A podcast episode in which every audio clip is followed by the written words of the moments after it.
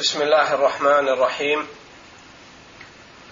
الحمد لله رب العالمين والصلاة والسلام على أشرف الأنبياء والمرسلين نبينا محمد وعلى آله وأصحابه ومن تبعه بإحسان إلى يوم الدين.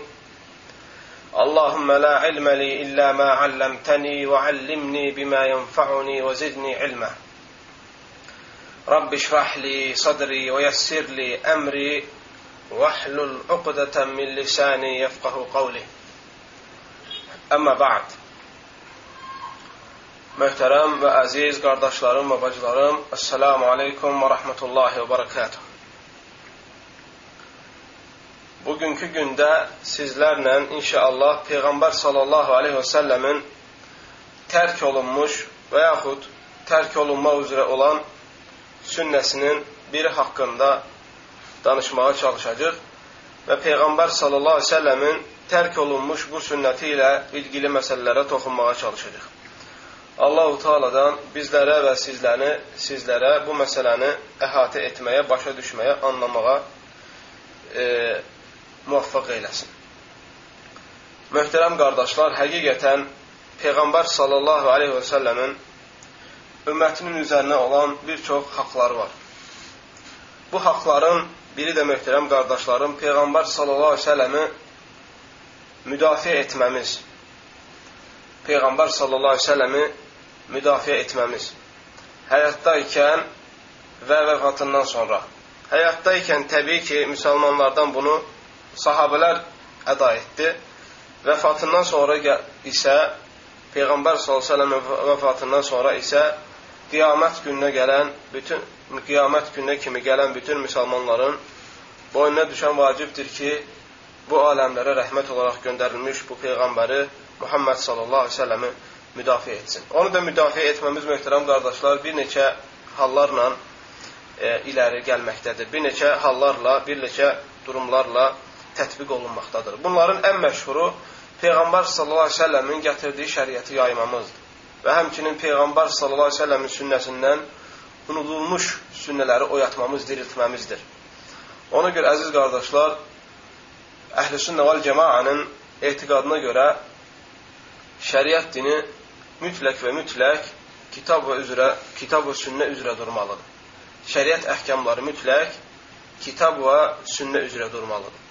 Və bu gün Əhlüsünnə vəl Cemaən e, etiqadında açıq-aşkar aşkar görürük ki, onlar buna inanıblar ki, hər bir müsəlman Peyğəmbər sallallahu əleyhi və səlləmin bacardığı şəkildə sünnəsini öyrənməlidir və sonra bacardığı şəkildə o sünnəni yaşamalıdır və sonra bacardığı şəkildə o sünnəni başqa insanlara öyrətməlidir. Və bu yolda təbii ki, əlindən gəldiyi qədər səbr etməlidir. Əziz və möhtərəm qardaşlarım, Peyğəmbər sallallahu əleyhi və səlləmin sünnəsi həyatda olan bəzi məsələlərə çox bənzəyir. Məsələ baxsaq, Allah Teala həyatda hər şeyi qoşa yaratmışdır. Hər şeyi cürbəcür yaratmışdır. Və bəzi hallarda bu yaradılan şeylər bir-birindən əks reaksiya verir. Əks təsir göstərir. Və hər ikisindən qalib qazanır. Məsələ, baxsaq, görərik ki, Allah-u Teala dünyanı gecə və gündüzü, gecə və gündüz yaradıb. Gecə və gündüz. Hansı çoxalsa, o birisinin müddəti az qalmış olur. Yəni, günəş nə qədər batana yaxın olsa, o qədər gecənin ömrü daha çox qalmış olur. Eləcə də bunun əksi e, əks mənəyə gəlir. Və həmçinin möhtərəm qardaşlar, isti soyuq. Məsələ bir qabın içinə, içində hansı, hansının miqdarı daha çox olarsa, görərik ki, o nisbətən daha çox olur. Eləcə də qara ağ, eləcə də güclü zəif və eləcə də xarakterlərdə, məsələ bəzi kişilər və bəzi qadınlara baxın, məsələ bəzi qadınlarda görürsən ki, kişi xarakterləri daha çoxdur, kişi meylləri daha çoxdur. Ona görə bu qadın xarakter tərəfdən, görünüş tərəfdən kişiyə daha çox bənzəyir. Və həmin şey kişilərdə də baş verir. Və görürsünüz ki, bəzi kişilərdə davranış, xarakter, hərəkətlər qadın hərəkətlərinə, davranışlarına və xarakterlərinə daha uyğundur. Ona görə belə kişilər, deməli, hər iki tərəfdən nə azalarsa, o biri tərəfdə o biri şey çoxalar. Ona görə möhtərəm qardaşlar, bu həyat, buna bəzi e, elm əhli, buna həyat fəlsəfəsi deyirlər. Təbii ki, bu fəlsəfə kəlməsinin e, o fəlsəfəçilərin işlədiyi mənada. Yox, hər, yəni ki, bu həyat, həyat tərzi və yaxud həyat mənası deyirlər buna. Deməli, möhtərəm qardaşlar, həmin bu qaydaya isnadən, həmin bu qaydaya, qayda əsnasında bu, bunu da dərk eləməliyik ki, nə qədər Peyğəmbər s.ə.v sünnəti oyadılırsa, nə qədər Peyğəmbər s.ə.v sünnəti dirildirilirsə, nə qədər Peyğəmbər s.ə.v sünnəti yayılırsa, o qədər yer üzündə bidət və xurafətlər azalır. Bidət və sünnət daimə Peyğəmbər s.ə.v-in dövründən qiyamət gününə kimi daimə aralarında nə var? Aralarında müharibə var. Aralarında müharibə var bidətlə sünnətin. Hər ikisi və hər ikisinin əhli o birisinə qalib gəlməyə çalışır. Ona görə möhtərəm qardaşlar, əhl-i sünnə vəl cəmanın metodundandır bu. Əhl-i sünnə vəl cəmanın əqidəsindəndir bu. Ki, nə qədər sünnət öldürülərsə, nə qədər sünnət tərk olunarsa, nə qədər sünnə unudularsa, o qədər onun yerinə bidət gələr. O qədər onun yerinə bidət gələr.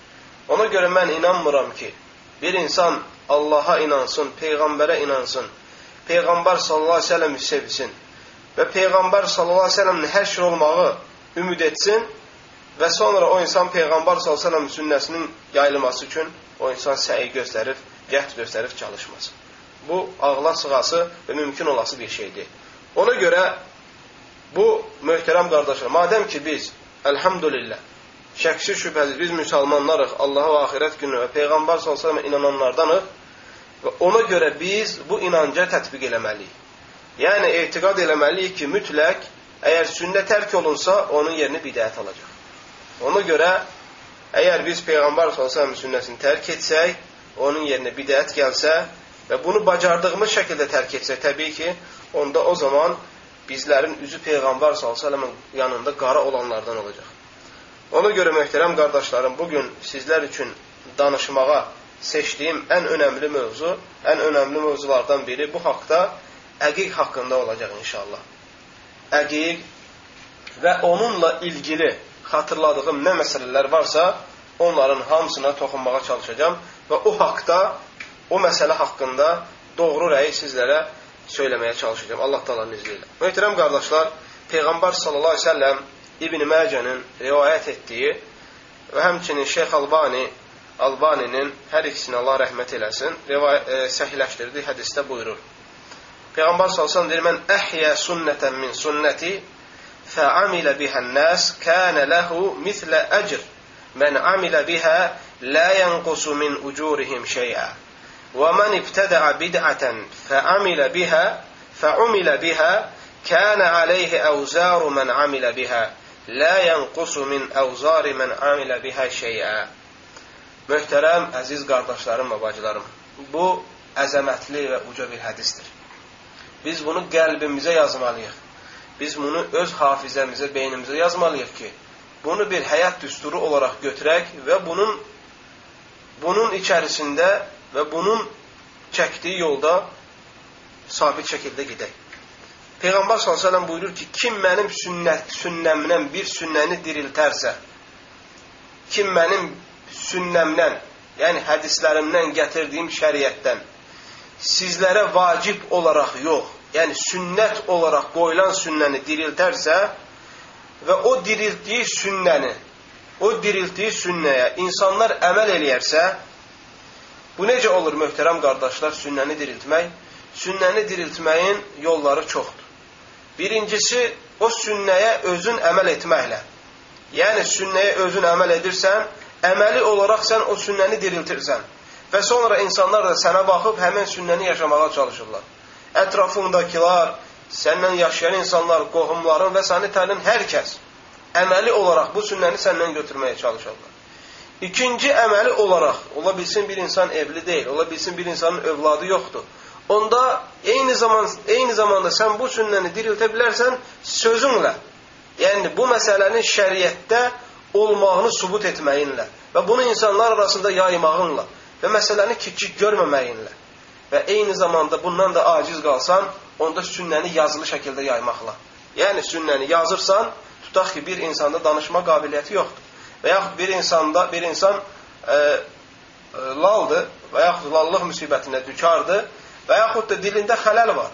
Onda o zaman o insan bacarır e, nə şəklində? Yazma şəklində bunu yayar. Deməli, bunların hamısı sünnəni diriltmə yollarıdır.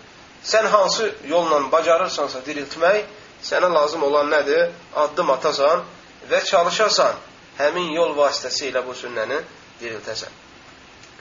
Deməli, qayıdıram, möhtərəm qardaşlarım, hədisin nassına, hədisin mətninə. Peyğəmbər sallallahu aleyhi və səlləm buyurur, kim mənim sünnətimdən bir sünnəni, yəni sünnəni diriltərsə və insanlar o sünnəyə əməl edərsə dirildik, dirildikdən sonra kənə ləhu mithlə, mithlə əcri mən amilə bihə deyir o insana, o diriltən insana o əməl edənlər necə savab qazanırsa həmin mislində ona savab gələr. Lə yənqusu min ucurihim şeyə ona baxıb o əməli edənlərin savabından heç savab azalmadan.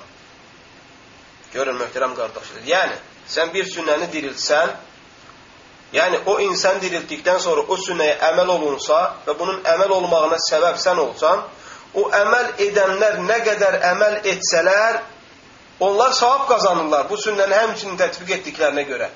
Ona görə onların etdiyi savabdan, onlar nə qədər savab qazanır, qazanırlarsa, o qədər, o miqdarda savab sənə də gəlir çatır. Və onların etdiyi savablardan heç zərrə qədər də azalmır. Və Peyğəmbər sallallahu əleyhi və səlləm bunun əks tərəfində bildirir möhtərəm əziz qardaşlarım və bacılarım. Peyğəmbər sallallahu əleyhi və səlləm buyurur: "Və men ibtada'a bid'atan fa'amila fa'umila biha kana alayhi awzaru men amila biha." Və kim dinə bir yenilik gətirsə və kim dinə dindən olmayan bir şey gətirib salsa, bir bidət, bir yenilik gətirib salsa və o gətirilən yeniliyə və bidətə əməl olunarsa, o əməl edənlərin et, hamısı günah qazanar. O bidətə əməl edənlərin hamısı günah qazanar. Və o qazanılan günahların hamısından bu bidəti gətirənin boynuna gələr. Və onların günahlarından azalmadan belə. Görün möhtərəm qardaşlar, necə də təhlükəlidir ki, bir insan dindən olmayan bir şeyi gətirə şəriətə soxar. Gələ gətirə o şeyi deyə ki, bu şəriətdir, bu Allahın peyğəmbərin dediyidir. Hələ baxmayaraq ki, bu Allahın adı ilə, peyğəmbərin adı ilə yalan danışmaq hesab olunur. Bu şəriətə, dinə iftira hesab olunur. Hələ bunun günahı başqa tərəfdir. İkinci tərəfdən də o dinə yenilik gətirmiş olur. Yenilik gətirmiş olur və onu insanlar şəriət olaraq tanıyır və əməl edir. Siz baxın, möhtərəm qardaşlar, müsibət hardadır? Ola bilsin ki, bu bidət gətirən insan tövbə etməmiş, tövbəyə muvaffaq olmamış, dünyasını dəyişib gedir, ölüb gedir. Və bu bidəti ya qoyub gedir və tövbə etməmiş olur. Qiyamət gündə kimi kim o bidəti eləyərsə, onların hamısı günah qazanar. Və onlar qazandığı miqdarda bu günahlardan hamısından o insanın boynuna gedər o qəbirdə təkbətək öz əməlləri ilə baş-başına olduğu bir gündə. Çarəsizdir.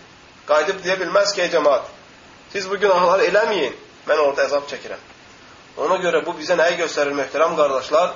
Şəriətin adı ilə, dinin adı ilə danışmazdan qabaq, mütləq bu şey Allahın dinində var deyə onu dəqiqləşdirməmiz lazımdır. Bunu dəqiq, dəqiqləşdirmədən danışmaq mümkün deyil. Ona görə Möhtərəm əziz qardaşlarım və bacılarım, əhl-i sünnə vəl cəmaa ən az danışan insanlardandır. Ən az danışan insanlardandır. Faydasız şeylər danışmayan, faydasız şeyləri etməyən insanlardandır. Sünnə, sünnədə nə gəlibsə, Allahın kitabında və Peyğəmbər s.ə.v-in hədislərində nə gəlibsə, onunla kifayətlənirlər. Əlavə şey şəriət deyil. Əlavə şey şəriət deyil. Ona görə İbn Qayyim rahmeullah bu məsələdən danışanda deyir ki, kaş ki müsəlmanlar bu gün ha, bidət, bəzi müsəlmanların deyir, o bidətlərə olan həvəsləri kaş ki deyir, sünnədə olaydı. Kaş ki o bidət, bəzi bidət əhlindən danışanda deyir ki, onlarda olan o həvəs, o enerji, o istək, bidətə olan enerjilər, istəkləri kaş ki deyir, onun bir misli sünnətə olaydı. Ona görə möhtərəm qardaşlar, bidət babı təhlükəli bir babıdır. Ona görə elm əhli deyir ki, bidət əhli, bidət eləyən insan, insanın günahı böyük günah eləyəndən daha böyükdür. Nəyə görə? Çünki insan oğurluq eləyər, tövbə edər. İnsan zina eləyər, tövbə edər. İnsan yalan danışar, tövbə edər, iftira eləyər, tövbə edər. Və bilər ki, bu şey böyük günahlardandır. Allahın dinində olmayan şeylərdir. Və zülümdür. Və tezdir, gecdir qayıdar. Amma bidət eləyən insan dönmür möhtərəm qardaşlar. Çox nadir hallarda, çox az hallarda dönür bidət eləyən insanlar. Çünki onlar etdiyi bu şeyi din olaraq görürlər. Etiqad olaraq görürlər. Bu şəriət olaraq görürlər. Bunun möhtərəm qardaşlar səbəbləri çoxdur. Lakin bizim dərsimiz bugünkü gündə sizə xatırlatmaq istədiyim dərsimiz bidət və onun təhlükəsi haqqında deyil. Lakin bu girmək, danışmaq istədiyim mövzu haqqında qısa bir müqəddimədir ki, hətta biz çalışaq ki, möhtərəm qardaşlar, Peyğəmbər sallallahu əleyhi və səlləmin sünnələrini diriltək. Peyğəmbər sallallahu əleyhi və səlləmin sünnələrini həyata keçirək ki, heç olmasa bununla bidətin qarşısını alaq. Heç olmasa bununla bidətin qarşısını alaq. Bununla Peyğəmbər səlləm dinə yardım eləmiş olaq.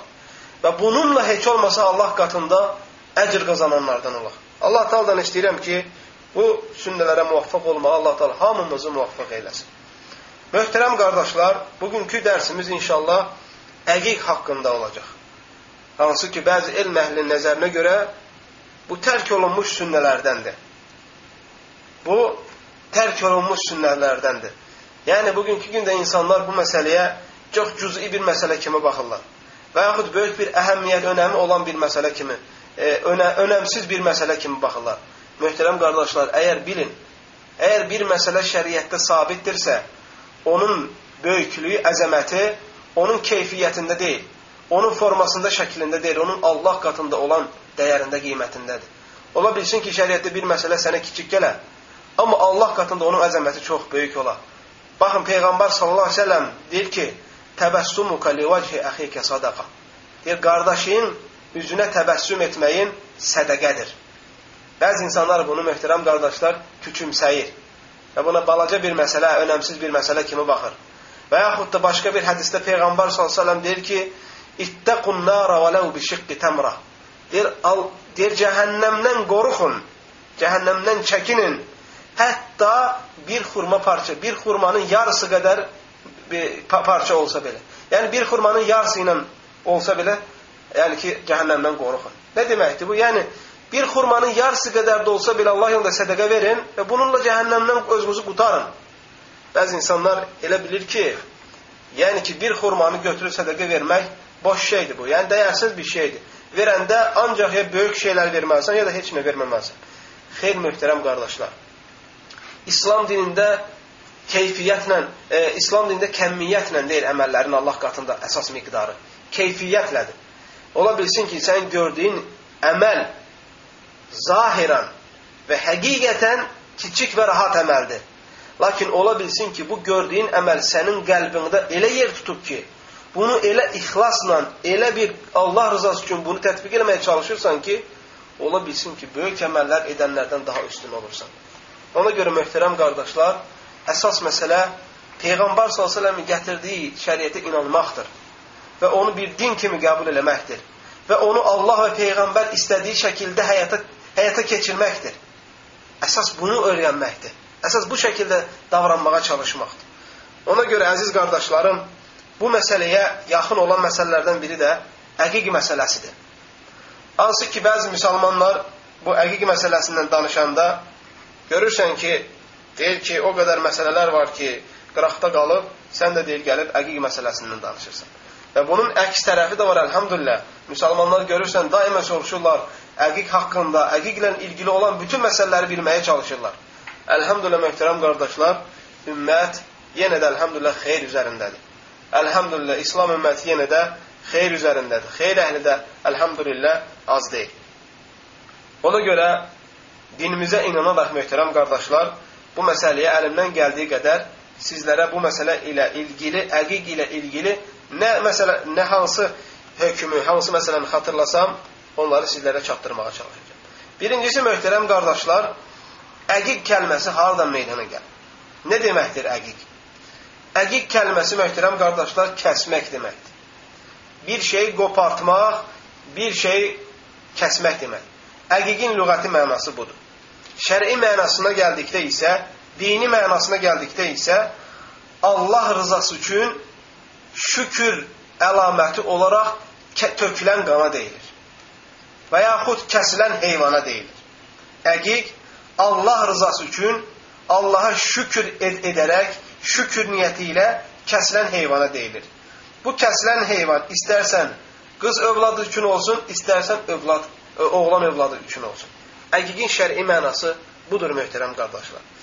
Bəziləri buna əqiq yox, təmimə adı verir. Ona görə bəzi elm əhli deyir ki, bunu cahillər daha çox işlədir, təmimə. Yəni tamamlayıcı. Tamamlayıcı. Yəni ki, elə bil ki, e, övladın əxlaqını tamamlayıcı. Hər halda əqiq kəlməsinin lüğəti mənası da, şəri mənası da budur. Qaldı möhtərəm qardaşlar, bugünkü gündə çox rastlaşırıq əqiqin hökmünə. Qardaşlar çox soruşurlar ki, əqiqin hökmü nədir? Əqiq kəsmək sünnətdirmi? Əqiq kəsmək vacibdirmi? Əqiq kəsmək bidətdirmi? Nədir bunun hökmü? Ona görə möhtərəm qardaşlar, Mən sizlərə sadəcə bu məsələ ilə ilgili ən faydalı və ən zəruri və ən mühüm məsələləri xatırlamağa çalışacağam sadəcə. Sadəcə onları xatırlatmağa çalışacağam. Çünki məsələdə uzaq, dəlil, o, dəlil əsasında olmayan və yaxud da dəyərsiz e, sözlər, rəylər varsa onların heç birinə toxunmayacağam vaxtımızı qorumağa görə. Elm əhli, möhtərəm qardaşlar, üç rəyə bölünür hökmü haqqında. Elm əhli üç fikir söyləyirlər. Birinci fikir odur ki, deyirlər əqiq kəsmək vacibdir. Əqiq kəsmək vacibdir. Kim onu tərk eləsə günah qazanır. Kim onu tərk eləsə günah qazanır. Bu zahiri məzhəbinin söylədiyi rəydir möhtərəm qardaşlar. Zahiri məzhəbinin getdiyi fikir odur ki, əqiq kəsmək vacibdir. Və tabeinlərdən də bunu dəstəkləyən olub İmam Həsən el-Basri və başqaları. İkinci rəy deyirlər ki, əqiq kəsmək bidətdir. Əqiq kəsmək olmaz. Bu da Hənəfi məzhəbində məşhurdur möhtərəm qardaşlar. Hənəfi məzhəbində məşhur olan odur ki, əqiq kəsmək bidətdir. Ona görə onlardan çox az görərsən ki, bu sünnətə tətbiq eləsinlər. Üçüncü rəydə odur ki, əqiq kəsmək sünnə müəkkədədir. Yəni, tərk olunması tövsiyə olunmayan sünnətlərdəndir. Yəni, tö tövsiyə olunur ki, bunu tərk eləməyəsən. Elə bil ki, yəni sünnə, sünnə müəkkədəyə bölünür, bir də sünnəyə bölünür. Sünnə müəkkədə, məsələ, bunu əməli olaraq nə ilə ayırırsan? Məsələ, günorta namazının əvvəl son sünnəti sünnədir. Günorta namazının əvvəl son sünnəti sünnədir. Amma vitr namazı sünnə müəkkədədir. Yəni ki, elə bil ki, Allaha daha sevimlidir. Yəni ki, normal sünnətdən Allaha daha sevimli olan hökm baxımından e, daha şiddətli olana sünnə müəkkədə deyirlər. Yəni, nə vacib deyil, nə də sünnə də deyil. Bu ikisinin arasında olan mövqeyə sünnə müəkkətə deyirlər. Yəni, tərk olunması məsləhət olunmayan sünnə. Və bunu da möhtərəm qardaşlar, elm əhlinin, əhl-i sünnə vəl cəmaanın çoxu deyil. Xüsusən də Əhməd ibn Həmbəl, Həmbəli məzhəbində İmam Şafi və İmam Malik. Və müasirlərdən də əlhamdülillah bunun əksini dən elm əhli tapmadım. Yəni ki, Şeyx Albani və həmçinin e, Şeyx İbn Uteymin, həmçinin Şeyx Fovzan, həmçinin İbn Bəz rahmehullah və hətta burada Səudi Ərəbistanın böyük alimlər icması da bunu subut edir. Deməli, möhtərəm qardaşlar, doğru rəy də budur. Doğru rəy də budur ki, əqiqin hökmü sünnə müəkkədədir. Əqiqin hökmü sünnə müəkkədədir. Ona görə İmam Şafi rahmehullah deyir ki, əqiq məsələsində iki nəfər xata eləyir. İki nəfər həddini aşır. Vacib deyənlər və bidət deyənlər. Və doğru mövqey deyir, orta, orta mövqey. Deməli, möhtərəm qardaşlar, İmam Əhməd ibn Həmbəldən soruşulanda əqiq haqqında deyir ki, deyir ki, Peyğəmbər sallallahu aleyhi ve səlləmin sünnəsidir. Necə ki, Peyğəmbər sallallahu əleyhi və səlləm nəvəsi Həsən və Hüseyn radiyallahu anhuma hər ikisinə əqiq etmişdir. Və həmçinin Peyğəmbər sallallahu əleyhi və səlləmdən sonra da sahabələri bu sünnəni diriltmişdir və tətbiq eləmişdir. Bu barədə möhtərəm qardaşlar hədis var. Səlməni ibn Amir radiyallahu anh deyir ki, eşitdim ki, Peyğəmbər sallallahu əleyhi və səlləm belə deyir: "Ma'al gulami aqiqah fa ahriqu anhu daman wa amitu anhu al-adab." Hədisi İmam Buxarə rivayət edir. Peyğəmbər s.ə.v deyir ki, e, oğlan uşağı üçün əqiq var və onun əqiqindən, əqiqini etmək üçün qan axıdın və ondan əziyyəti qaldırın. Nə deməkdir, möhtərəm qardaşlar? Yəni, oğla, e, dünyaya gələn övlad üçün qan tökün, yəni heyvan kəsin. Heyvan kəsin və ondan əziyyəti qaldırın. O əziyyəti qaldırın, yəni saçını qırxın, saçını qırxın və oğlan uşağıdırsa sünnətini eləyin. Oğlan uşağıdırsa sünnətini eləyin. Bu əziyyəti qaldırın e, kəlməsində nəzərdə tutulan bu iki şeydir. Saç qırxmaq və sünnətini eləmək. Başqa bir hədisdə möhtərəm qardaşlar, Peyğəmbər sallallahu əleyhi və səlləm buyurur: "Mən vulidə lehu veledun fa'ahabba an yansuka anhu falyansuk anil gulami şatani mukafaatani və anil cariyə şah və anil cariyə şatun." Peyğəmbər sallallahu əleyhi və səlləm deyir: "Kimin övladı dünyaya gələrsə və istəyərsə ki, onun üçün qoyun kəssin, heyvan kəssin, deyir kişidən, oğlan uşağından iki dənə qoç kəssin, qız uşağından isə bir dənə qoç kəssin. Bu hədis, möhtərəm əziz qardaşlarım, açıq-aşkar bəyan edir ki, vacib deyil. Çünki Peyğəmbər s.ə.v deyir, kimin övladı dünyaya gələrsə və istəyərsə ki, ona, ona heyvan kəssin və istəyərsə. Deməli, əgər e, usulü qaydaya görə bir məsələ iradəyə, ixtiyara, istəyə buraxılırsa, o məsələ vacibli hökmünü itirir. Çünki əgər vacib olsa, onun istəyinə, iradəsinə, ixtiyarına buraxılmaz və qəti şəkildə əmr olunar. Hədisdə gələn əgər istəyərsə kəlməsi onu göstərir ki, məsələ sünnə müəkkədədir, vacib deyil. Bu hədisi möhtərəm qardaşlar İmam Əbu Davud və həmçinin İmam Nəsai sünən kitablarında rivayət etmişdir. Və hədisi Şeyx Albani rahmehullah səhihləşdirmişdir. Bu, möhtərəm qardaşlarım, əqiq kəsməyin hökmü ilə ilgili məsələ idi. İndi növbəti məsələyə keçək, o da əqiqin kəsmək vaxtı. Hansı vaxt əqiq kəsilməlidir? Görəsən, şəriətdə əqiqi kəsmək üçün müəyyən gün lazımdır, o gün ötsə kəsməməlisən, yoxsa məsələ necədir? İlk öncə bunu bilmək lazımdır ki, möhtərəm qardaşlar, şərt olaraq əqiqi kəsmək üçün müəyyən bir gün yoxdur.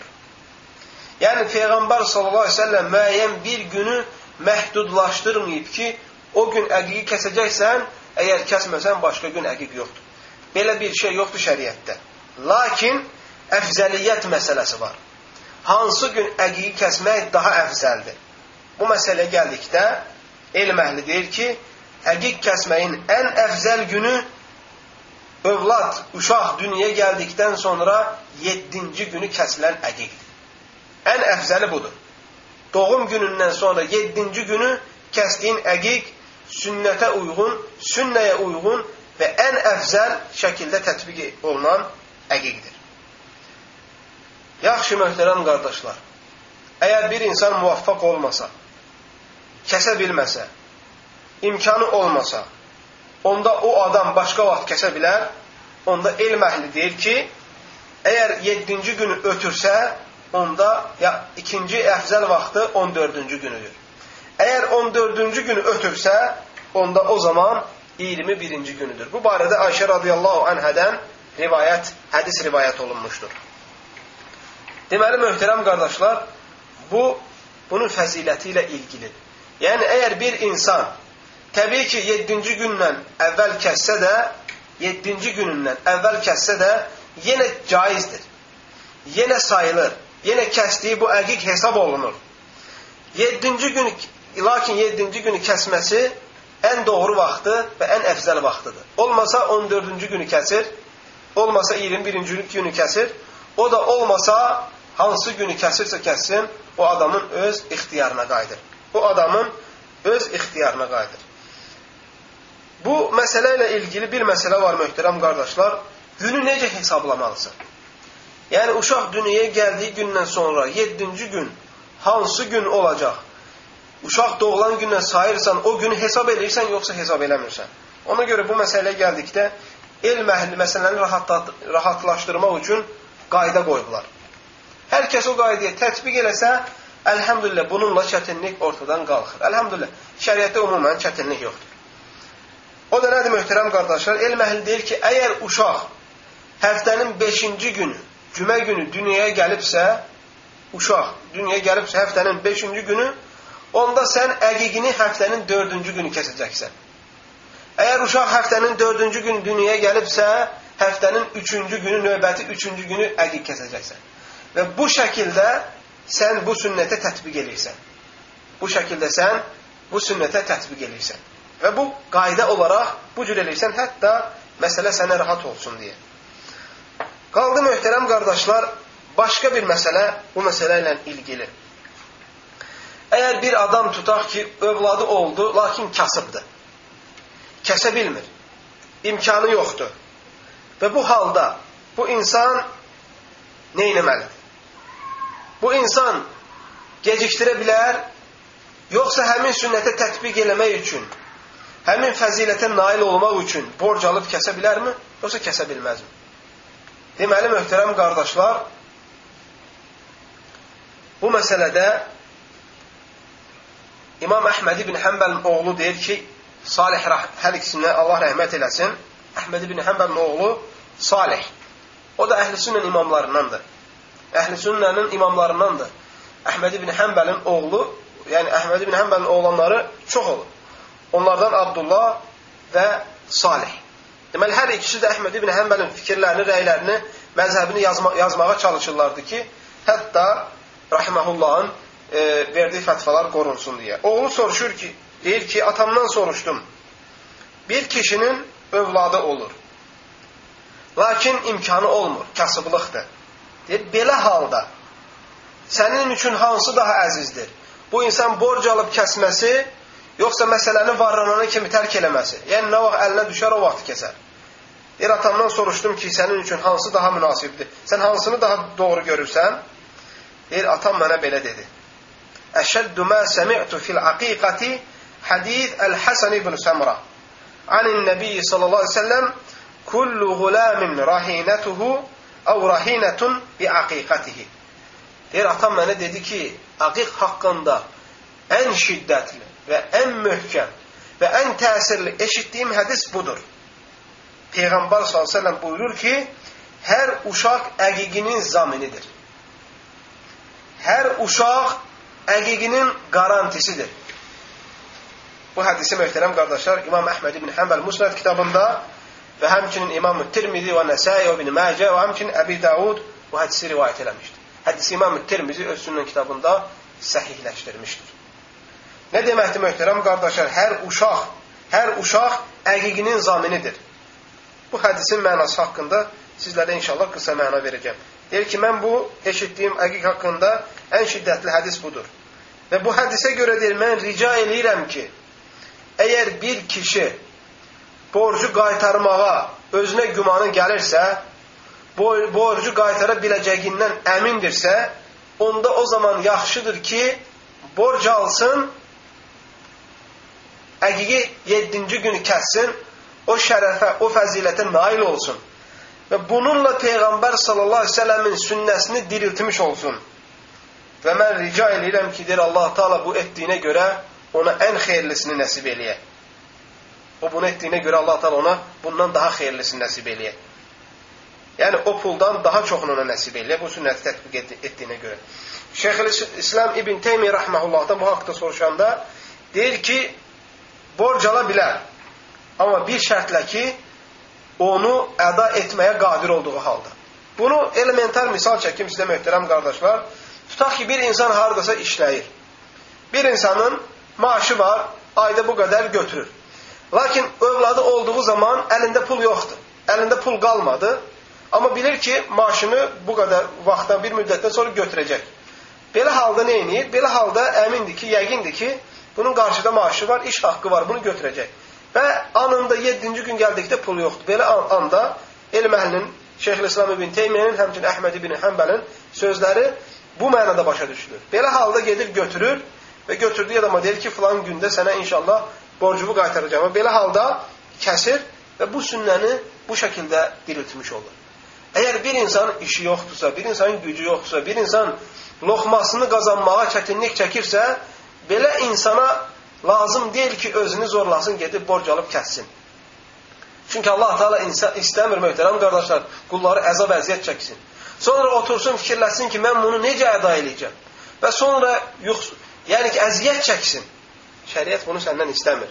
Əgər bu dərəcədə olsa, onda o zaman sənə lazım deyil ki, gedib borc alasan və özünü zorlayasan. Təbii ki, möhtərəm qardaş, Allah Teala Quran-ı Kərimdə Bəqərə surəsində buyurur: "La yukallifullah nəfsən illə vus'aha." La yukallifullah nəfsən illə vus'aha. Allah qula daşımayan yükü yükləmir. Sən bacarmadığın bir şeyi Allah Teala səndən tələb eləmir. Elhamdülillah. Sən övladın oldu və səndə imkan olmadı və borc alanda onu qaytarmağın, qaytara bilməyəcəyindən qorxursan, elhamdülillah. Sənin niyyətimə görə rica edirəm ki, Allah Teala onun savabını sənə verə. Amma inşallah özünü zorlayıb sonra dərd qəm içində qalmamağın lazım. Və həmçinin möhtərəm qardaşlar, Allah Teala e, Əl-Həcc surəsinin 78-ci ayəsində buyurur: "Və mə cəal aleykum fid-din min harac." Bu dində sizin üçün heç bir çətinlik Allah Teala yaratmadı. Hətta canınız sıxıla, hətta çətinlik çəkəsiniz. Elhamdülillah dinimizdə hər şey rahatdır, dinimizdə hər şey asandır. Sadəcə bunu dərk eləyib bunu bilməmiz lazımdır. Möhtərəm qardaşlar, hədisin şərhinə gəldikdə isə hansı ki Peyğəmbər əleyhi deyir ki, hər uşaq, hər övlad öz əqiqi ilə, öz əqiqinə zamindir. Bu hədisin mənası haqqında elm əhli bir neçə rəydir. Birincisi odur ki, elm əhli deyir ki, hədisin mənası odur ki, yəni bir insanın sinə açıqlığı onun əqiqinin kəsməyi ilə bağlıdır. Yəni bir insan köksü açıq olmur ta ona əqiq kəsilmədikcə. Bir insan daima sıxıntı içində qalır ta ona əqiq kəsilmədikcə. Bəzi elm əhli bu hədisin bu mənada olduğunu deyir. Bəzi, bəziləri isə deyir ki, Bu onu deyil, bu o mənaya gəlir ki, əqiq hökmü uşağın boynunda qalır. Ta kəsilmədikcə. Yəni elə bil ki, o uşaq daima o borcu, o vacibliyi e, və yaxud da bu haqqı üzərində daşıyır. Nə vaxt olursa olsun bunu əda eləməlidir. Bəzi elm əhli bunu bu mənaya verir. Amma ən doğrusu və ən savabı elm əhlinin çoxu dediyi buraya idi ki, hədisin mənası odur ki, həmin uşağın şəfaəti atasına, anasına şəfaəti onun əqiqinə bağlıdır. Yəni bir insan qadir olduğu halda övladına əqiq kəsməzsə, onda o zaman o övladının şəfaətindən məhrum qalacaq o adam. Hədisin mənası budur. Necə ki, Əhməd ibn Həmbər rahiməhullahdan soruşulanda deyir ki, əgər bir insanın övladı vəfat eləyərsə, bir insanın övladı vəfat eləyərsə, və onun valideyni ona əqiq kəsmiş olmazsa, onda o zaman o övladı o valideynə şəfaət verməz. Və həmçinin bu fikri tabeinlərdən İmam Qatədə rahiməhullah dəstəkləyir. Deməli, ən doğru rəydir budur, möhtərəm qardaşlar, hədisin mənasında. Ona görə bu həmçinin əqiqin fəzilətini bizlərə açıqlayan hədislərdəndir. Əziz qardaşlarım, həmçinin bu əqiqin fəzilətini bizlərə anlatan hədislərdəndir. Çünki hər biri, hər bir kişi, hər bir qadın arzulayır ki, axirət günü məhşər meydanında olduğu zaman kimsə ona gətirə bir dənə savab verə. Kimsə gələ o dəhşətli gündə onun əlindən qaldıra. Kimsə gələ ona təbəssüm eləyə. Kimsə gələ ona şəfaət verə. İnsanın ən ehtiyaclı olan günü o olacaq, möhtərəm qardaşlar.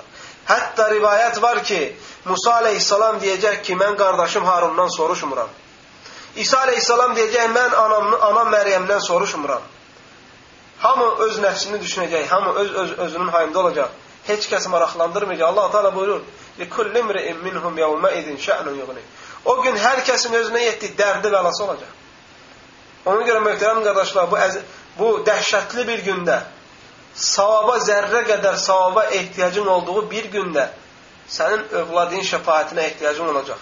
Ona görə bu əzəmətli ibadəti unutmamağa çalışmaq lazımdır. Və bu məsələdə səhlənkarlıq etməmək lazımdır, möhtərəm və əziz qardaşlarım. Və bu sünnəni həm əməli, həm də qovli söz şəklində diriltməyə çalışmalıyıq hamımız. Allah bizləri muvaffaq eləsin. Möhtərəm qardaşlar, növbəti məsələyə keçək. O da miqdarı nə qədərdir? Yəni, oğlan uşağından nə qədər kəsilir və qız uşağından nə qədər kəsilir. Elm əhli bu məsələyə gəldikdə, əziz qardaşlarım deyir ki, oğlan uşağından iki dənə qoç kəsilməlidir.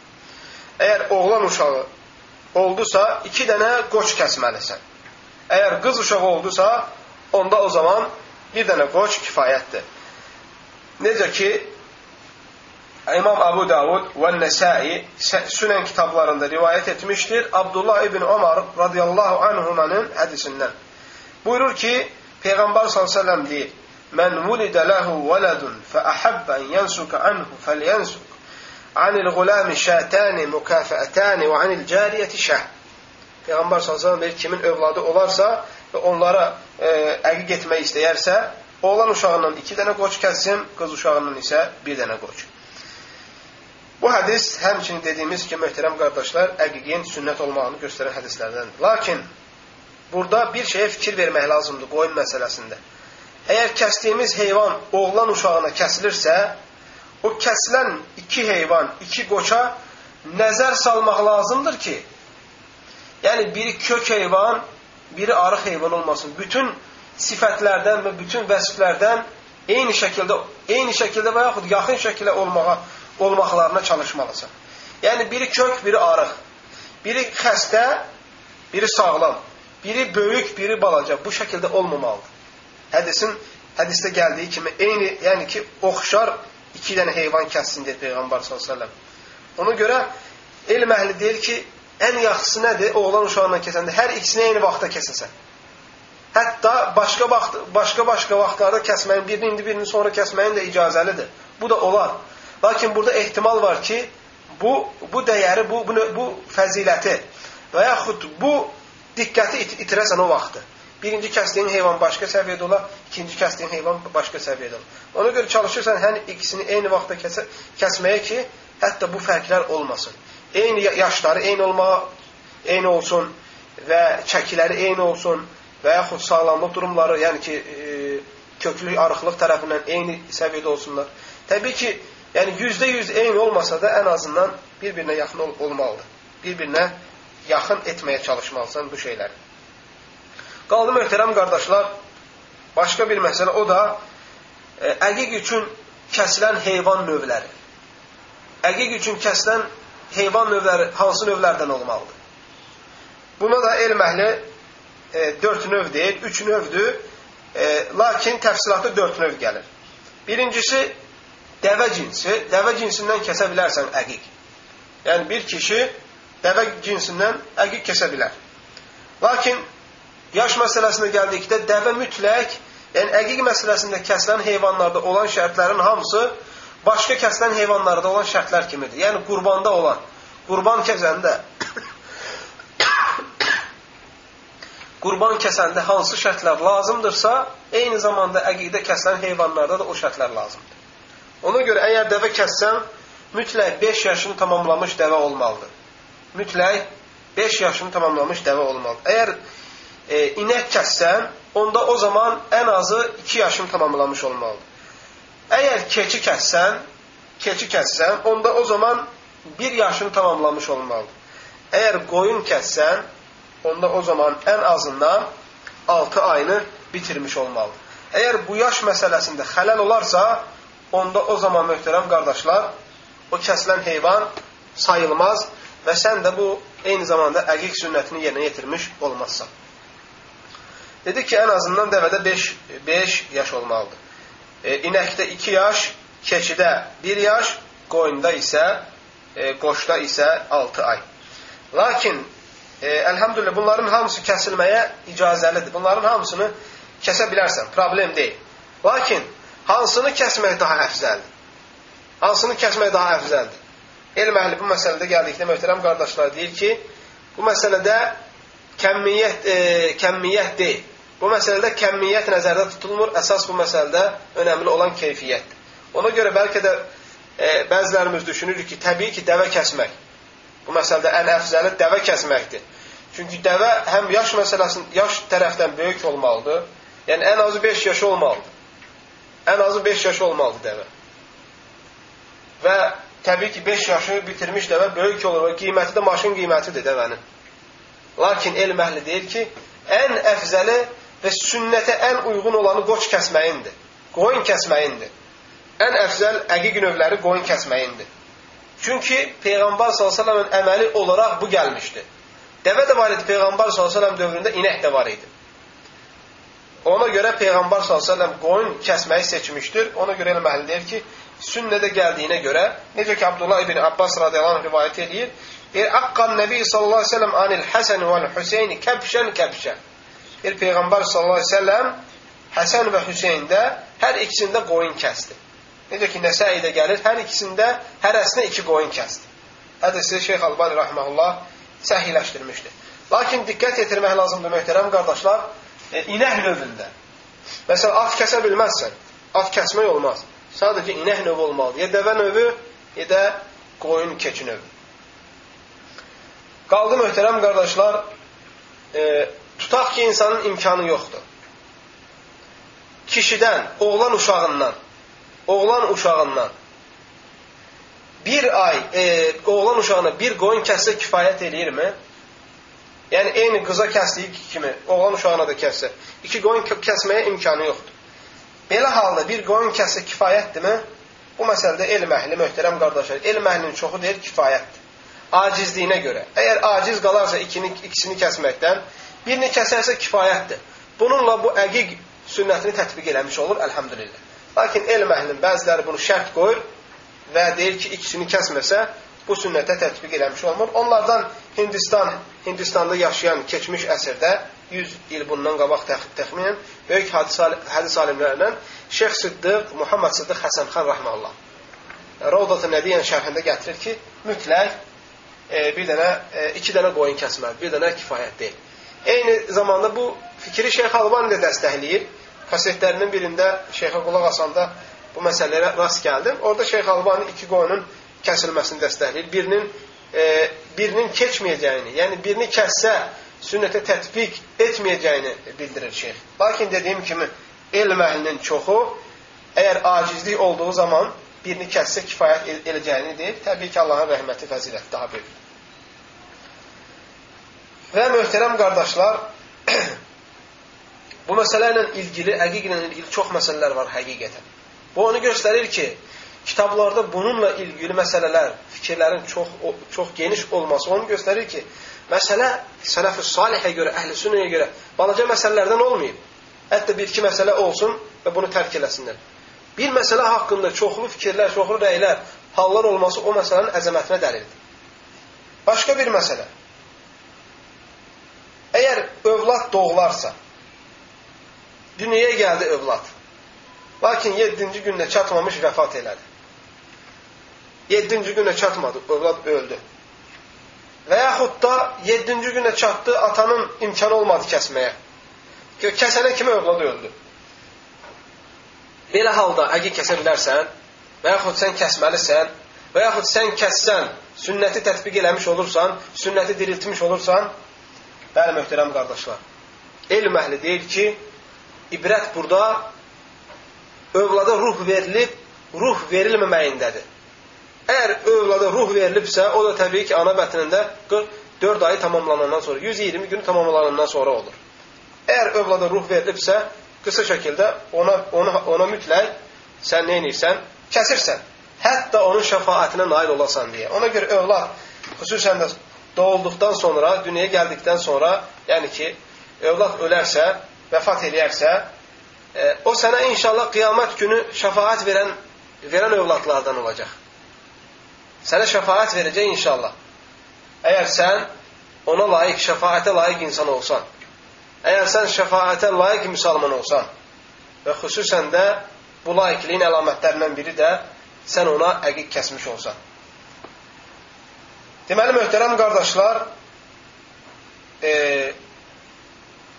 ölü doğulan uşağın iki halı var ümumiyyətlə. Birinci halı Odur ki, e, uşaq doğulur və sonra ölür. İkinci hal odur ki, uşaq ölü doğulur. Yəni uşaq uşaq salır, ana uşağı salır, uşaq düşür. Bu uşaq düşmə məsələsinə gəldikdə ümumiyyətlə iki hal var. Birincisi uşaq ruh veriləndən sonra düşə bilər. İkincisi, uşaq ruh verilməmiş düşə bilər. Əgər uşağa ruh veriləndən sonra uşaq düşərsə və yaxud uşaq doğulub ölərsə, onda o zaman bayaq dediyim kimi elm əhl deyir ki, ona əqiq kəsilir.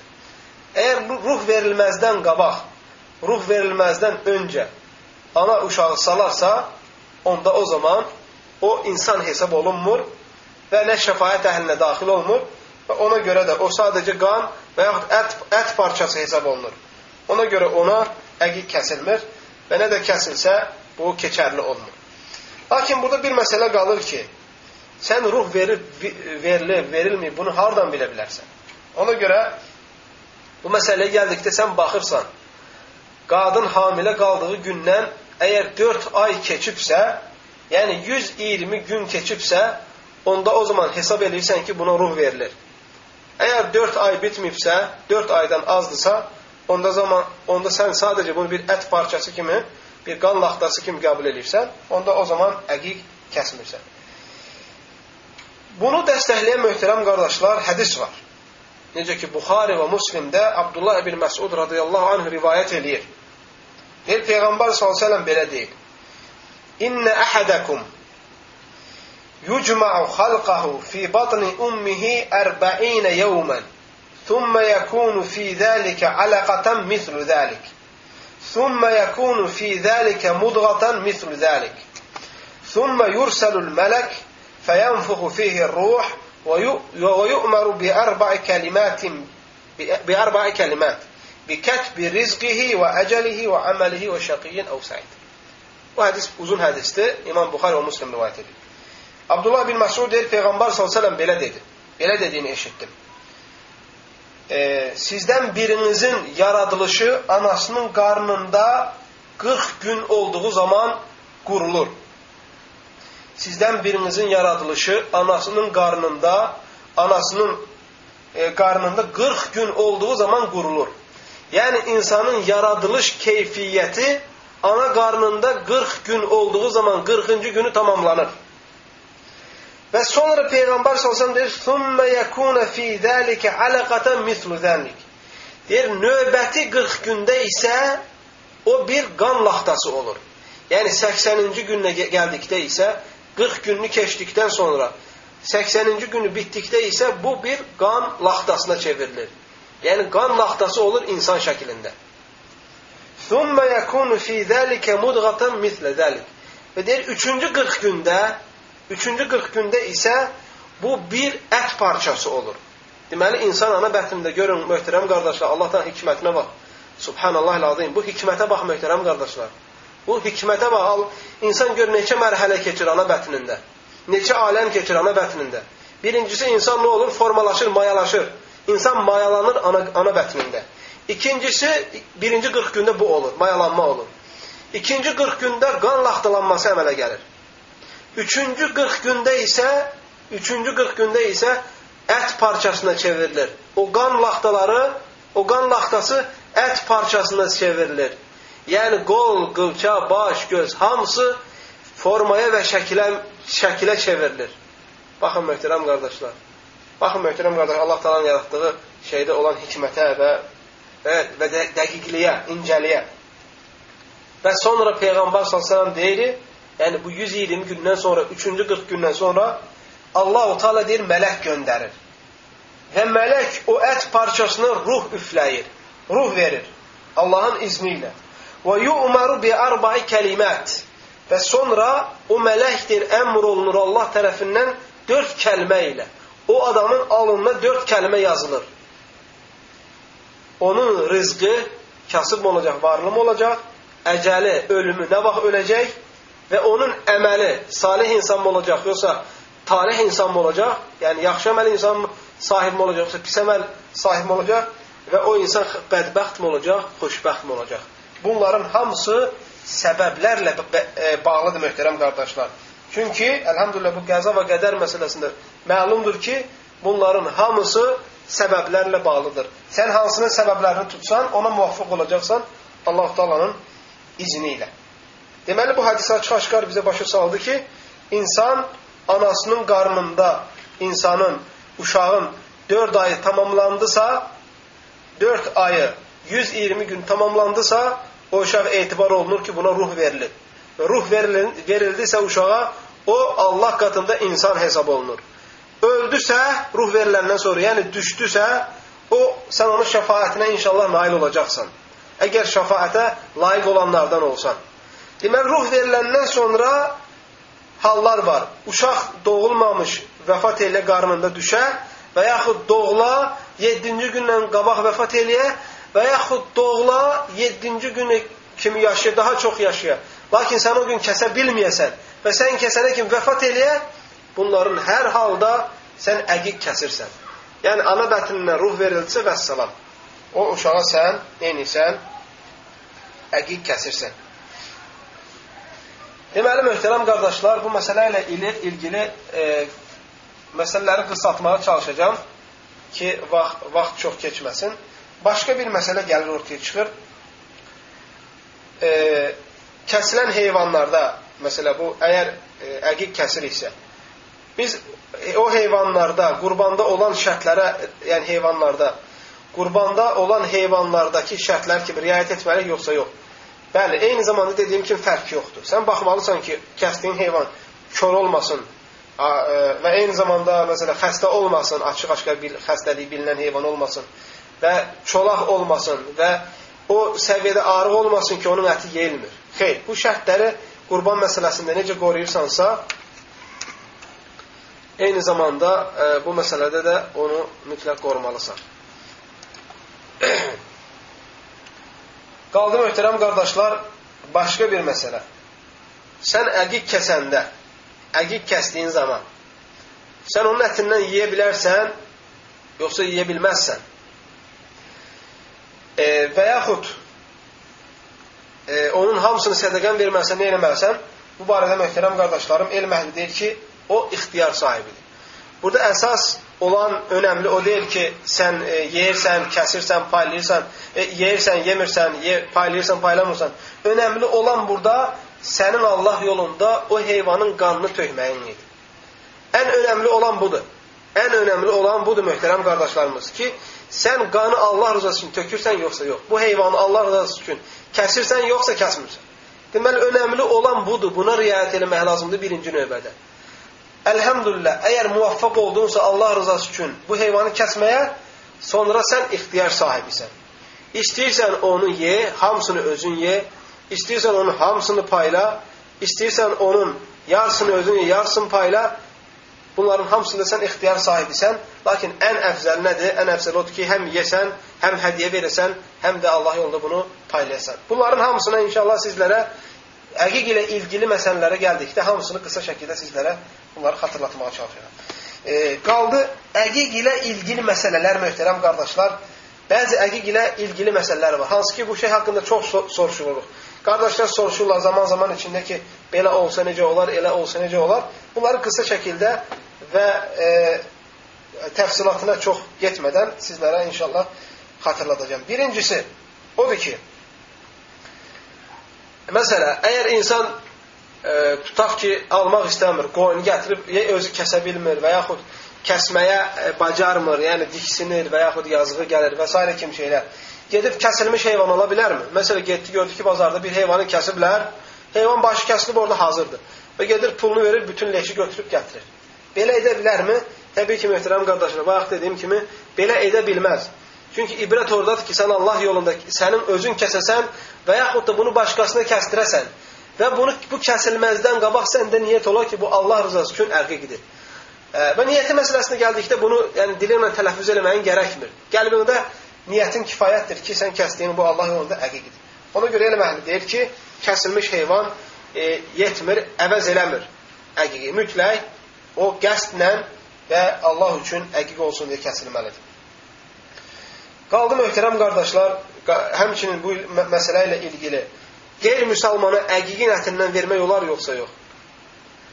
Bu, e, misal üçün, məsələ, sən qoyunu kəsdin və burada hallar var. Onun ətini kimisini hədiyə verirsən, kimisini sədəqə verirsən, kimisini də bişirirsən. Bunların hasında qeyri-müsəlman iştirak edə bilər. Elm əhli möhtərəm qardaşlar deyir ki, qeyri-müsəlman bunların hamısında iştirak edə bilər. Yəni onu evinə də çağıra bilərsən, qonaq o əqiqin ətindən yesin. Ona sədəqə də verə bilərsən, hədiyyə də verə bilərsən. Bir şərtlə ki, o verilən qeyri-müsəlman ondan, əgər müsəlmanlar əzab əziyyət görmürlərsə, əgər müsəlmanlar ondan əzab əziyyət çəkmirlərsə, adi, siravi, ondan əzab əziyyət çəkmədin, bir müsəlman qeyri-müsəlmandırsa, ona verə bilərsən. Bunun özü də möhtərəm qardaşlar bəzən dəvət olur. Çünki İslam dini, əlhamdülillah, əxlaq dinidir. İslam dini mədəniyyət dinidir. İslam dini tərbiyə dinidir.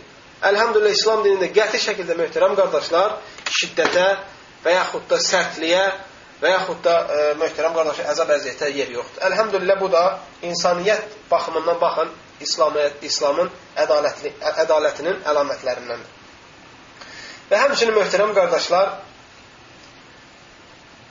e, əgər məsələ kişi yetim məsələ övlad dünyaya yetim olaraq dünyaya gələrsə, dünyaya gəldiyi zaman atasını itirmiş olarsa, onda o zaman, çünki əqiq kəsmək atanın məsuliyyətidir.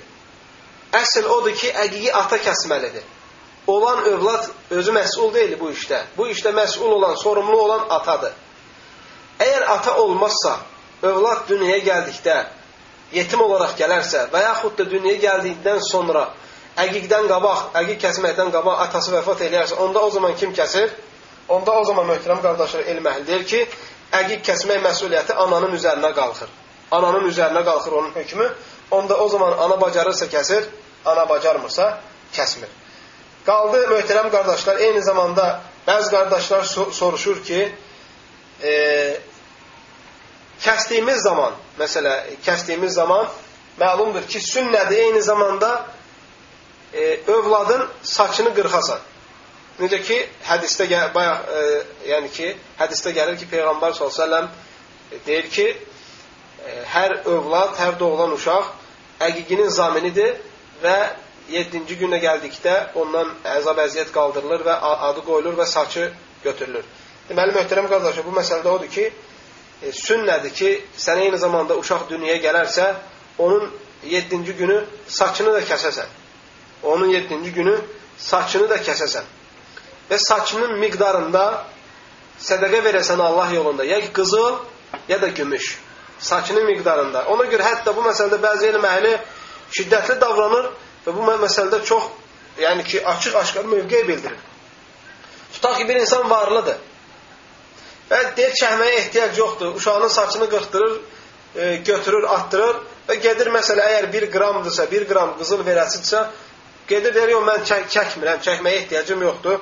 Gedib 10 qram qızıl verəcəm. Elm əhli deyir ki, bu adam sünnətə müxalif çıxmış olur. Çünki sünnədə gəlib ki, sən mütləq onu qırxıb və çəkməlisən. Mən dediyim kimi, bayaq dediyimiz kimi, möhtərəm qardaşlar, ibrət kəmmiyyətdə deyil, ibrət keyfiyyətdədir. Sən Peyğəmbər s.ə.v necə deyibsə, o şəkildə əməl eləməlisən. O şəkildə əməl etməlisən. Ona görə bu da bu onu göstərir ki, görün sələf-ü salih naslara qarşı, hədisə qarşı nə, nə, nə qədər bağlıdırlar. Hədislərə necə bağlıdırlar. Necə gəlibsə o şəkildə. Peyğəmbər s.ə.v əlhamdülillah özü Həsən və Hüseynin saçını qırxıb və miqdarını çəkib və o miqdarda Peyğəmbər s.ə.v sədəqə verir. Ona görə sən də Peyğəmbər s.ə.v necə eləyib o şəkildə eləməlisən. Deməli, saçını qırxdırırsan və saçını qırxdıq, kəstirdikdən sonra onu çəkirsən və o miqdarda sədəqə verirsən. Ya qızıl verirsən, ya gümüş verirsən, ya da onları əvəz eləyən mal pul verirsən. Tutaq ki, qızıl vermirsən, lakin o qızılın qiymətində pul verirsən, əlhamdülillah, bu da keçərlidir. E, həmçinin möhtərəm qardaşlar, bu məsələ ilə ilgili əgər ata kəsməyibsə övladdan, övladın yerinə övlada əqiq eləməyibsə, övlad böyüdü, soruşdu, dedi ki, anasından soruşdu və yaxud qohum əqrabasından və yaxud oğlana bəyan oldu ki, yəni ona əqiq olunmuyor. Məsələn, atasından, anasından soruşdu, dedilər ki, ey oğlan, sənə əqiq eləməmişik. Və bu da artıq boya başa çatıb iki kişi olub. Bəlkə də özünün darvad uşağı var. Belə halda insan özünə əqiq kəsə bilər, yoxsa əqiq kəsə bilməz. Bu məsələ gəldikdə, qardaşlarım, elm əhli deyir ki, dediyimiz kimi, sünnət odur ki, sünnət odur ki, əqiq məsələsindən məsul atadır. Sünnət budur atanın kəsməyi sünnətdir. Əgər əqiqi ata yox, qardaş qardaşa kəsərsə sünnətliyini itirir. icazəlidir. Olar, kəsə bilər, yaxşı iş görür. Amma sünnət deyil. Çünki məsələ atanın bu məsuliyyət atanın boynundadır. Bu məsələ atanın boynundadır. Lakin elm əhli deyir ki, əgər özündən özünə əqiq eləmək istəsə, əqiq eləyir. Yəni ki, icazəlidir, olar. Gördüyü əməl xeyir əməllərdəndir. Lakin sünnət məsələsində gəldikdə isə bu atanın üzərinə düşən iş, işdir. Həmçinin möhtərəm qardaşlar, bir insan zaman-zaman içində və yaxud müasir dillə desək, e, təksid şəklində e, kəsə bilər qoyunları.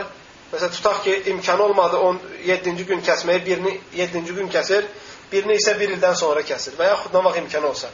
Bəli, bu da caiz məsələlərdən möhtərəm qardaşlar. Yəni, insan imkanına görə hərəkət edir. Əlhamdülillah, dində zorluq, çətinlik yoxdur. İmkanına görə hərəkət edirsən. Birini bugün kəssən, birini də başqa vaxt imkanı olduğu kə e, vaxtı kəssən, əlhamdülillah bunların hamısı keçir və sən bunu eləsən sünnətə tətbiq etmiş olursan Allah talanın izni ilə. Sonra, məsələ bir insan əqiq kəsmək istəmir. Başqa bir məsələ. Və deyir ki, mən əqiqin qiymətini ver versəm, əvəz eləmiş olaram. Məsələ tutaq ki, e, qoyunun biri 100 dolardır. Qardaş deyir ki, mən e, vaxtım yoxdur və yaxud və yaxud başqa bəhanələrlə qoyun kəsməyib, o qoyunun e, qoyun miqdarında, qoyunun qiymətini sədəqə versəm sayılırmı? Bəli, elm əhli möhtərəm qardaşlar deyir ki, sayılmır. Çünki əgər sayılsaydı Peyğəmbər s.ə.v yönəldərdi. Və yaxud Peyğəmbər sallallahu aleyhi və səlləmin özü buna əməl eləyərdi. Deməli, Peyğəmbər sallallahu aleyhi və səlləmin özünün etməməyi, Peyğəmbər s.ə.v bunu eyni zamanda deməməyi dəlildir ki, əgər qoyunun qiymətini sədəqə versən, əqiqə əvəz olunmur. Mütləq əqiqi nə etməlisən? Kəsməlisən. Və həmçinin möhtərəm qardaşlar, e, tutaq ki, birini ata kəsdi, ikincisini kəsmədi. Övlad böyüdü atasına dedi ki, mən əqiq kəsmişsən, oğlan uşağı məsələn. Ata dedi ki, kəsmişəm amma birini. Belə halda oğlan uşağı özünə kəsə bilər ikincisini. Elm əldə dediyim kimi deyirlər kəsə bilər. Yəni kəsə bilər. Amma buna sünnət demir elm əhli. Deyirlər ki, amma kəsə bilər. Və həmçinin möhtərəm qardaşlar, birini bir ölkədə, birini başqa ölkədə kəsə bilərsənmi? Və yaxud da pulunu göndərirsən, birini başqa ölkədə kəssinlər. Deməli, burada ibrət orada deyil ki, övlad olan ölkədə kəsilsin. İbrət oradadır ki, bu onun üçün, yəni bu niyyətlə kəsilsin. Ona görə elm əhli deyir ki, birini bu ölkədə, birini başqa ölkədə kəssə, əlhamdülillah keçir, caizdir olar və əlhamdülillah məsələdə heç bir problem və sıxıntı yoxdur. Qaldı növbəti məsələ, həmçinin əqiq ilə ilgili məsələlər, iştirak məsələsi. Məsələ, biz bilirik ki, qurban məsələsində iştirak söhbəti var. Qurban məsələsində iştirak söhbəti var. Yəni, bir adam qurban kəssə, istər inək e, növü olsun, istər dəvə növü olsun, 5 nəfər, 6 nəfər, ta 7 nəfərə kimi toplanıb bir heyvanı kəsə bilərlər. Yəni 6 adamın yerinə, 5 adamın yerinə, ta 7 adamın yerinə kimi. Bəyən bunu əqiqdə eləmək olar, yoxsa yox? Bu da eyni zamanda verilən suallardandır. Elm əhli deyir ki, xeyr.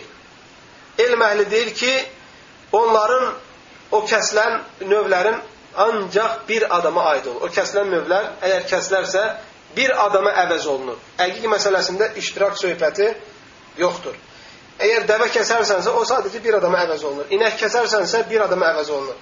Qoyun kəsərsənsə yenə bir adama əvəz olunur və bu bir neçə adamın əvəzinə e, əvəzini vermir. Və eyni zamanda bu məsələ ilə ilgili tutaq ki, bir adamın iki, ikiz uşağı oldu və yaxud iki övladı var, kəsmir. İkisinə desə bir, bir inək kəsim, bir dəvə kəsim əvəz olsun, bu da əvəz deyil. Hərəsinə ayrı-ayrı kəsməlidir.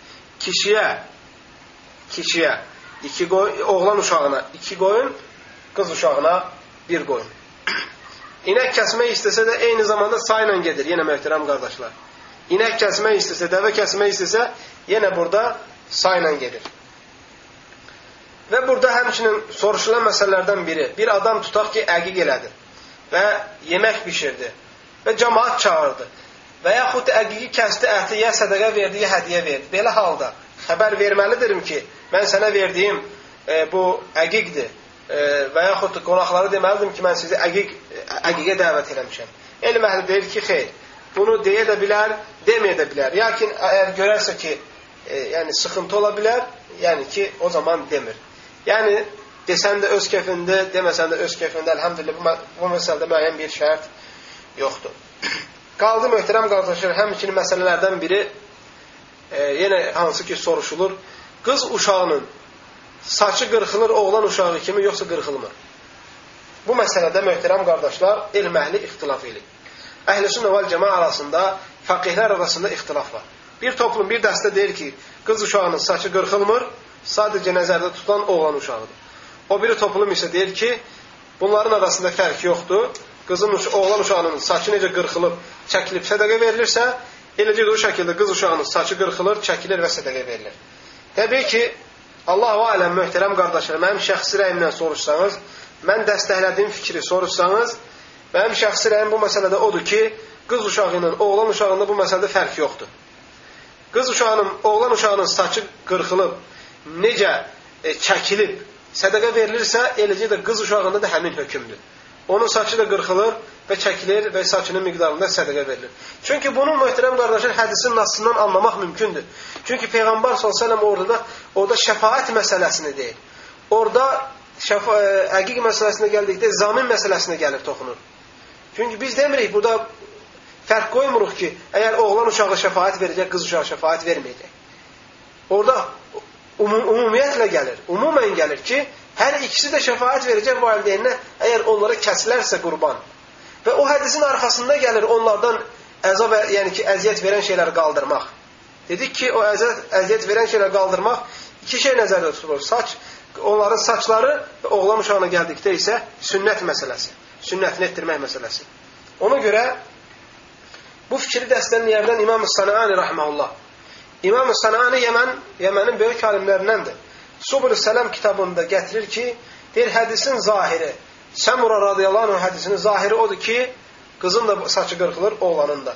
Hətta Şeyx Albani rəhməhullahdan soruşulur, möhtərəm qardaşlar, 564 nömrəli hədis, e, kasetdə. Şeyx Albani rəhməhullahdan soruşulur, 564 nömrəli kasetində deyir ki, həmin hədisdə nəzərdə tutulan nədir? Qız uşağıdırmı, yoxsa oğlan uşağıdırmı? Və yaxud da deyirlər ki, yəni ki, qız uşağının saçı qırxılır, yoxsa sadəcə oğlan uşağının.